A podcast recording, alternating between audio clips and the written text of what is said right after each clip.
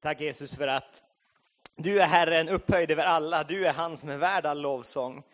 Tackar Jesus för att vi bara får fästa blicken på dig idag Jesus och komma en förväntan på vad du vill göra idag Jesus, på vad du vill säga idag Jesus. Jag tackar för att du vill tala genom lovsång, du vill tala genom mötesledare, genom nattvard. Jag tackar för att du ska tala genom mig också idag Jesus.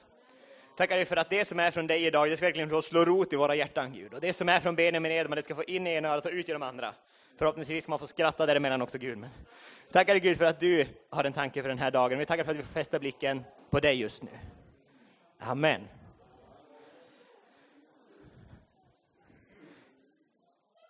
Jag kan ju se alla här nere, så det behöver inte jag ställa mig. Jag brukar alltid vilja stå så att jag kan se alla människor, men här kan man ju se alla ändå.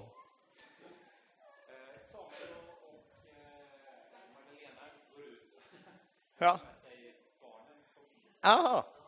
Nu får barnen hänga med Samuel och Magdalena där. Ska ni hänga med henne och Vilhelmina?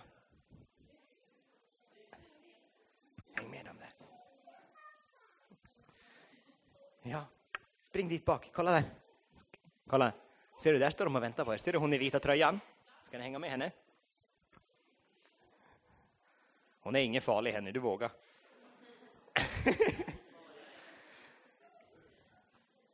Ta henne i handen, Vilhelmina, så går ni ut.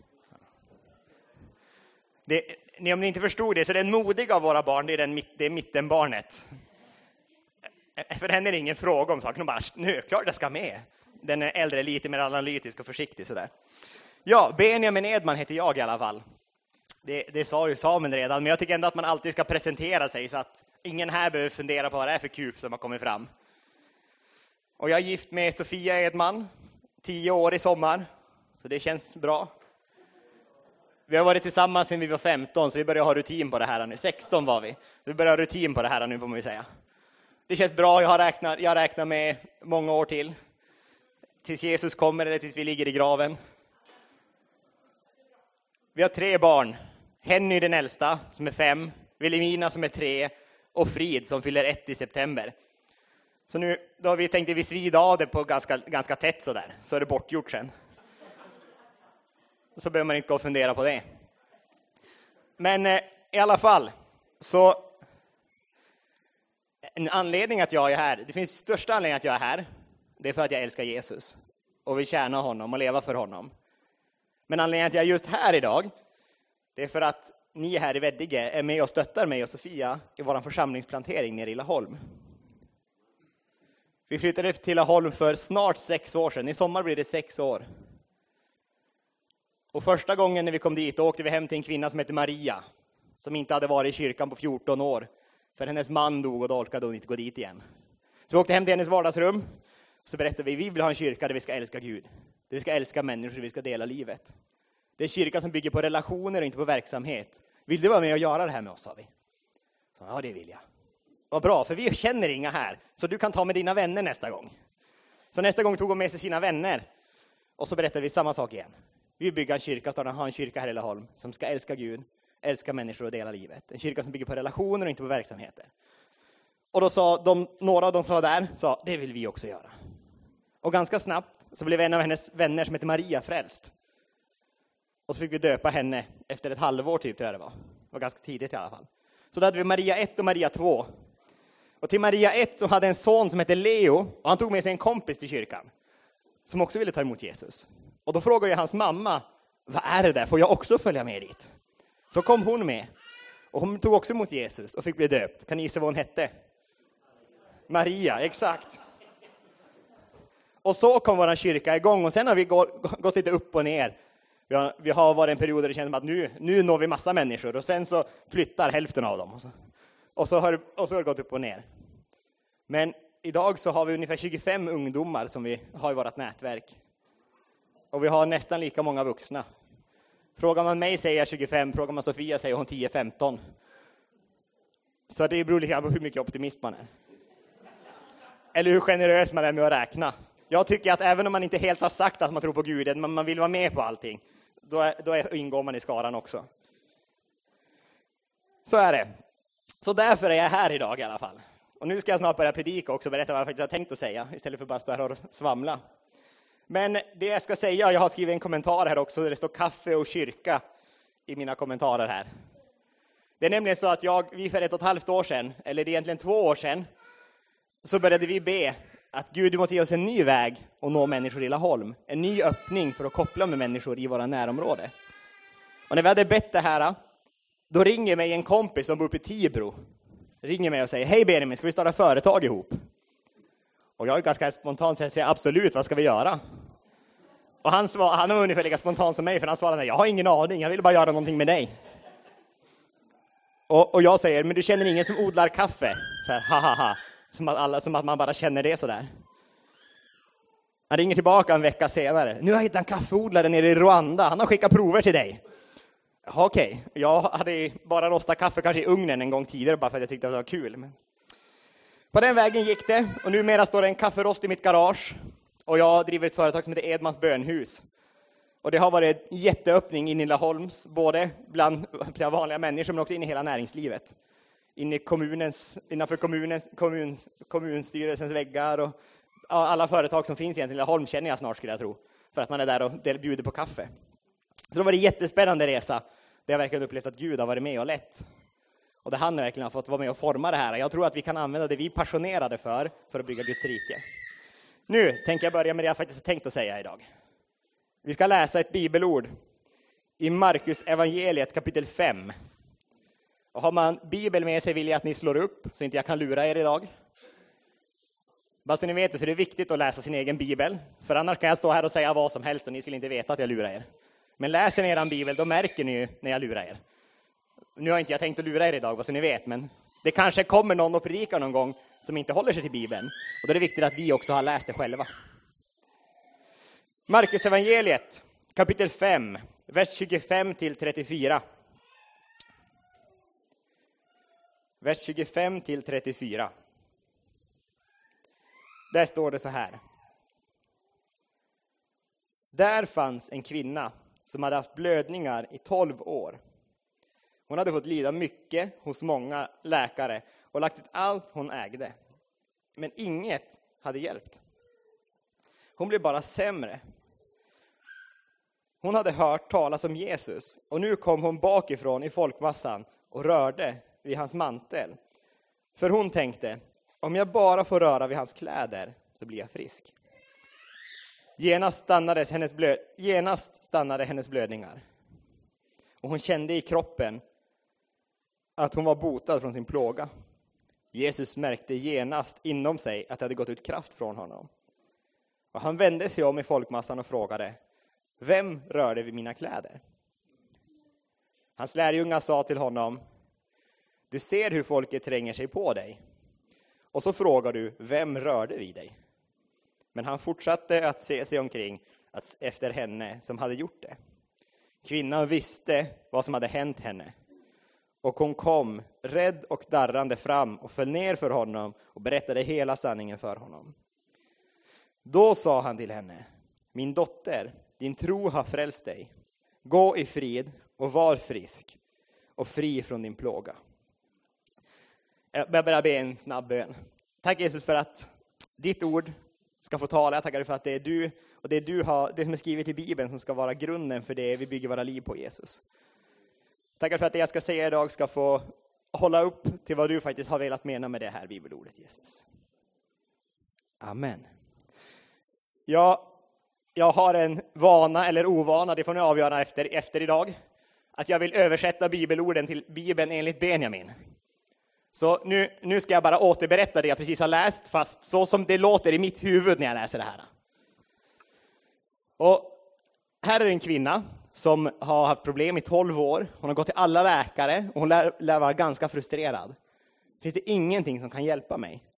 Hon har lagt alla, hela sitt sparkapital. Hon har ingenting kvar helt enkelt.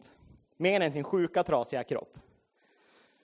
Och så kommer Jesus gående där på gatan. Hon har hört att den där Jesus, han kan förvandla liv. Och människor tränger sig på Jesus. Jag var i Turkiet tidigare i höst för att vi firade våra, att vi har varit gifta i tio år. I vår, precis. Jag, jag blandar alltid ihop höst och vår ska jag bara säga. Jag vet, tidigare i vår. Och då gick vi på en gata en gång där det var så trångt så man fick liksom klämma sig emellan så här för att överhuvudtaget ta sig fram. För att det var så mycket människor där. Så då tänkte, när jag var där, då tänkte jag på det här bibelordet. Så så tänker jag att så var det runt Jesus. Han gick där och människor bara pressade sig på honom. Och en stor klunga som bara ville vara närmast. Här kommer den här kvinnan som inte har någonting, som är svag och desperat. Hon känner att det finns ingenting annat kvar nu som kan rädda mig. Så hon smyger på bakifrån, vill inte bli märkt. Hon vill tänka så här, tänk om jag kan smita in och smita ut utan att det märks. Och så börjar hon klämma sig igenom folkmassan där. Och så får hon ta Jesus mantel. För hon har insett att hon har kommit med förväntan att får jag bara ta i honom, minsta lilla, så kommer mitt liv att förvandlas. Men det går inte riktigt som hon har tänkt. Det går som hon har tänkt, för hon blir helad. Men hon kan inte gå därifrån oupptäckt. Så Jesus stannar upp, hela folkmassan liksom. Jag tänker att det blir lite kaos där. Jag, så ser det ut i mitt huvud, så ni förstår det. Och så stannar Jesus. Vem tar i mig? Och lärjungarna så här, är du, är du knepig eller? Ser du inte att alla tar i dig? Alla vill fram till dig. Ser du inte hela den här klungan med människor runt omkring oss? Alla vill ta i dig. Vad menar du egentligen?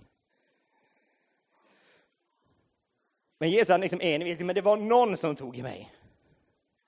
Och den här kvinnan hon blir lite skamsen då och inser att det var ju jag. Så hon kryper fram till Jesus i ånger. Hon är ledsen, hon tänker, är rädd nu, vad ska han säga? Kommer han att döma mig för att jag smög fram till honom? Men vet ni, Jesus, när han får veta att det var hon, så säger han inte aj, aj, aj, aj, fy på dig. Nej, han säger, din tro har frälst dig. Att du kom med förväntan till mig förvandlade ditt liv. Så därför, på grund av din tro, på grund av din förväntan, har du blivit frisk. Så är du fri från din plåga. Så det är bibelordet vi utgår ifrån idag. Och det första, jag, har, jag fick lära mig en gång när jag bodde i Bolivia, så gick jag så här predikoskola på spanska med min pastor där. Då sa han alltid, det måste vara max tre punkter. Så jag har tre punkter idag. Och den första punkten har jag valt att kalla för hur närmar vi oss Jesus? Det var trångt på det här stället. Det var jättemånga människor som ville vara nära Jesus. Men det står inte om några andra under som hände just där. De andra, i mitt, nu, nu förstår ni vad, nu är, ni, är vi återigen i mitt huvud. Då har vi de här andra människorna som tänker att jag vill komma nära den här idolen. Får jag ta på honom, då kan jag komma hem till middagsbordet ikväll och säga, vet ni, jag träffade Jesus idag. Jag fick skaka hand med honom. Och sitta där och malla sig lite grann. De kom, ville komma nära Jesus för att höja sin egen status. De ville komma nära Jesus för att få en bättre plats i sin omgivning. Och de trängde sig på honom för att liksom mangla sig fram, de här kaxiga, stöddiga människorna. Och närmar vi oss Jesus på det sättet, då händer inga under. Då blir det ingen förlåtelse. Då blir det ingen återupprättelse. Men så har vi den här kvinnan som var bruten, brusten, hade ingenting att vinna eller förlora egentligen. Vinna hade hon ju mycket som helst, men hade ingenting att förlora. Som närmar sig Jesus med en desperat förväntan, en desperat längtan. Att om någon kan rädda mig så är det bara Jesus. Och hon kommer ödmjukt fram, så och smyger sig på bakgrunden. Hon ville inte ens bli sedd. Hon försöker smyga sig fram till Jesus. Men med en förväntan på att han kan förvandla mig och tar i honom. Med mentaliteten, bara jag får röra vid honom, då händer det någonting. Hon närmade sig med en förväntan, en längtan, en förvissning, en tro på att han som står framför mig kan förvandla mitt liv. Så hur närmar vi oss Jesus? Kommer vi till Jesus för att vi verkar duktiga, för att vi verkar bra? Eller kommer vi till Jesus för att det finns ingen annan som kan förvandla mitt liv? Det finns ingen annan som är värd att gå till. Det finns ingen annan som kan leda mig vidare. Hur närmar vi oss Jesus? Och jag ska läsa ett bibelord till innan jag kommer in i nästa punkt, ett kortare bibelord den här gången, i Efesierbrevet. Efesierbrevet kapitel 3, vers 19 till 20. Det står det så här. och lära känna Kristi kärlek som går långt bortom all kunskap, så ska ni bli helt uppfyllda av all Guds fullhet han som kan göra långt mycket mer än allt vi ber om eller tänker oss genom den kraft som verkar i oss. Min första punkt var, hur närmar vi oss Jesus? Min andra punkt är, förvänta dig mer av Jesus. I det här bibelordet står att han kan göra mer än vad vi kan tänka oss. Jag ska berätta, jag har ganska bra fantasi. I mitt huvud kan jag tänka hela Veddige som följer Jesus. Men vet du, Gud, han kan göra mer än det. Han kan ta hela Varberg kommun, för det ligger i Varberg kommun va? Han kan ta hela Varberg kommun, för det kan jag tänka mig i mitt huvud. Men vet ni, Gud kan göra mer än det. För han kan göra mer än jag kan tänka mig. Så vi behöver komma med en större förväntan på Jesus. Vi behöver räkna med honom i alla livets aspekter. När jag skulle dra igång kafferosteriet så behövde jag få tag på en kafferost. Och det är inte det enklaste att hitta begagnat, för jag tänkte jag vill inte betala hur mycket som helst.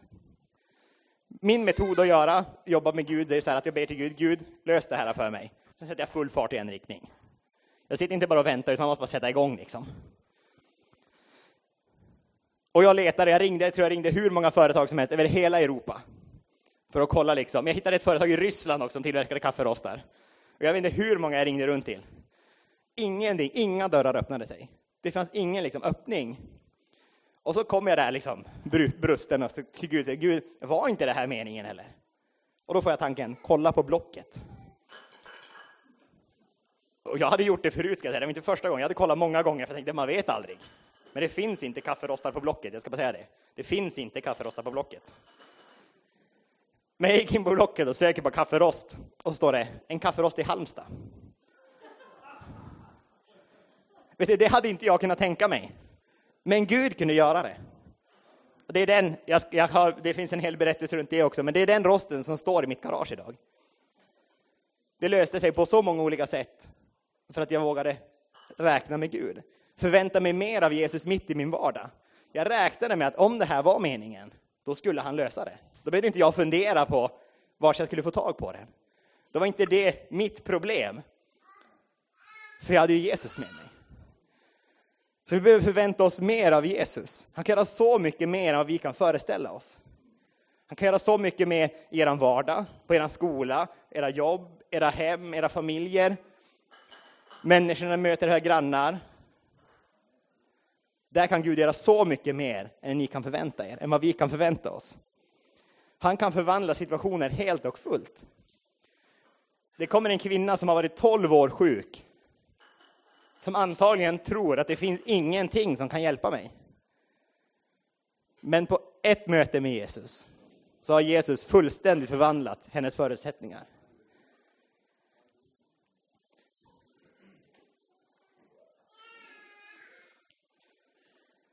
Kanske behöver vi ibland lite mer desperat förtröstan för att våga förvänta oss mer av Jesus. Kanske behöver vi våga försätta oss i situationer där det inte finns någon annan lösning än att Jesus löser det. För att öka vår förväntan på vad Jesus kan göra. Så min första punkt var, hur närmar vi oss Jesus? Kan vi komma med tro, förväntan, förhoppning, förtröstan på att han kan förvandla? Min andra punkt var, när vi då närmar oss honom, så måste vi öka förväntan och öka förväntan på vad Jesus kan göra. För han kan göra så mycket mer än vad vi någonsin kan föreställa oss. Och min tredje punkt ska jag först läsa ett bibelord till. Jag gillar att läsa bibel, men det kanske ni förstår. I Johannes evangeliet, det kan hända att någon har hört det här bibelordet förut. Kapitel 3, vers 16 och 17. Står det så här. Så älskade Gud världen, att han utgav sin enfödde son, för att var och en som tror på honom inte ska gå förlorad, utan ha evigt liv. Gud har inte sänt sin son till världen för att döma världen, utan för att världen ska bli frälst genom honom. Vet ni, Jesus har inte kommit hit för att berätta hur dåliga vi är.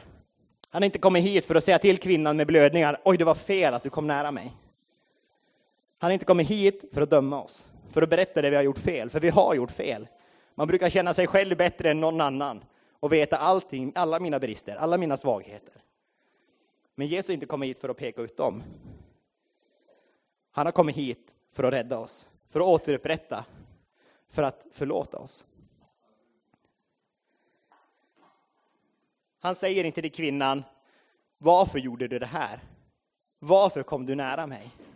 Utan han säger, du kom nära mig och din tro har frälst dig. Och det finns ingen situation när vi närmar oss Jesus med en förväntan, med en längtan, med en tro, som han kommer att säga att gå härifrån. Han kommer alltid möta oss med välkommen hem. Din tro har hjälpt dig, din tro har frälst dig, din tro har förvandlat din situation, din tro har burit dig genom mörkret. Din tro har varit det som har hjälpt dig i din vardag. För vet ni, varje dag är inte lätt och varje dag är inte svår. Utan det går upp och ner i livet. Men Jesus tro hjälper oss när vi är på botten och den hjälper oss när vi är på toppen. För han kommer inte för att döma oss. Han kommer inte för att säga att du är värdelös när du är här nere. Och han kommer inte att säga ta det lugnt när vi är här uppe. Utan Jesus kommer att säga när vi är nere, jag bär dig igenom det här. Och när vi kommer upp och får igång farten, då kommer han att heja på och säga kom igen, nu kör vi tillsammans här. Ja, ja, ja, ja. Och så kommer han kör, pusha på oss, uppmuntra oss och skjuta in oss i situationer där vi kan få visa hans kärlek. Där vi kan få visa på den förvandling han kan göra. Så Jesus, han kom inte för att döma. Vi kan närma oss Jesus med en övertygelse om att han kommer att ta emot oss. Med en övertygelse om att han kommer att säga välkommen hit. Din tro har, för, har frälst dig. Med en övertygelse om att han vill rädda hela världen vi har runt omkring oss. Det handlar inte bara om oss som är här. Det handlar om hela Veddige. Men det handlar inte om hela Veddige bara. Det handlar om hela Varbergs kommun. Hela Sverige, hela Europa, hela världen. Han har kommit för att förvandla våra liv och använda våra liv för att förvandla världen. Så mina tre punkter. Hur närmar vi oss Jesus? Kommer vi med ett brustet hjärta? En insikt om att vi är inte perfekta. Jag ska berätta det. När, när jag insåg hur stor Jesus var, var när jag var 20 år. Och jag hade gått hela mitt liv och tänkt, är jag verkligen nog bra för att komma nära Jesus? Hade jag gått hela mitt liv och funderat på. Men så när jag var, 19, när jag var 20 år, så insåg jag, nej jag är inte nog bra. Men Jesus vill vara nära mig ändå. Och det var som att det klickade till något i huvudet. Helt plötsligt så behövde jag aldrig vara orolig för om jag får komma nära Jesus eller inte. För jag behöver aldrig vara någonting, för han har redan gjort allt. Hur närmar vi oss Jesus? Och när vi närmar oss honom, hur kan vi dra upp vår förväntan? Hur kan vi öka vår förväntan på vad han faktiskt kan göra? Vågar vi tro att han kan förvandla min arbetskollega? Vågar vi tro att jag kan förvandla min granne? Mina barn, min mamma, min mormor och morfar, mina barnbarn. Vet ni, Jesus kan göra vad som helst. Vi behöver öka vår förväntan på vad han kan göra i vår omgivning. Och sist så kom han inte för att döma. Han kom inte för att peka och säga ni är dåliga. Ni har inte gjort nog, kommer han inte för att säga. Han kommer inte för att säga att det är fel att ni kommer nära. Utan han kommer för att säga kom nära mig, så går vi vidare tillsammans. Kom in i min närhet, så går vi vidare tillsammans. Jag vill avsluta, som jag egentligen avslutar var jag predikar överallt i hela världen, med att ge möjlighet att säga det till Jesus, att Jesus, idag vill jag komma till dig. Med ett brustet hjärta för första gången eller för hundrade gången, det spelar ingen roll, så vill jag lämna möjlighet för att säga Jesus, idag vill jag komma till dig. Så jag vill att alla blundar och tittar ner.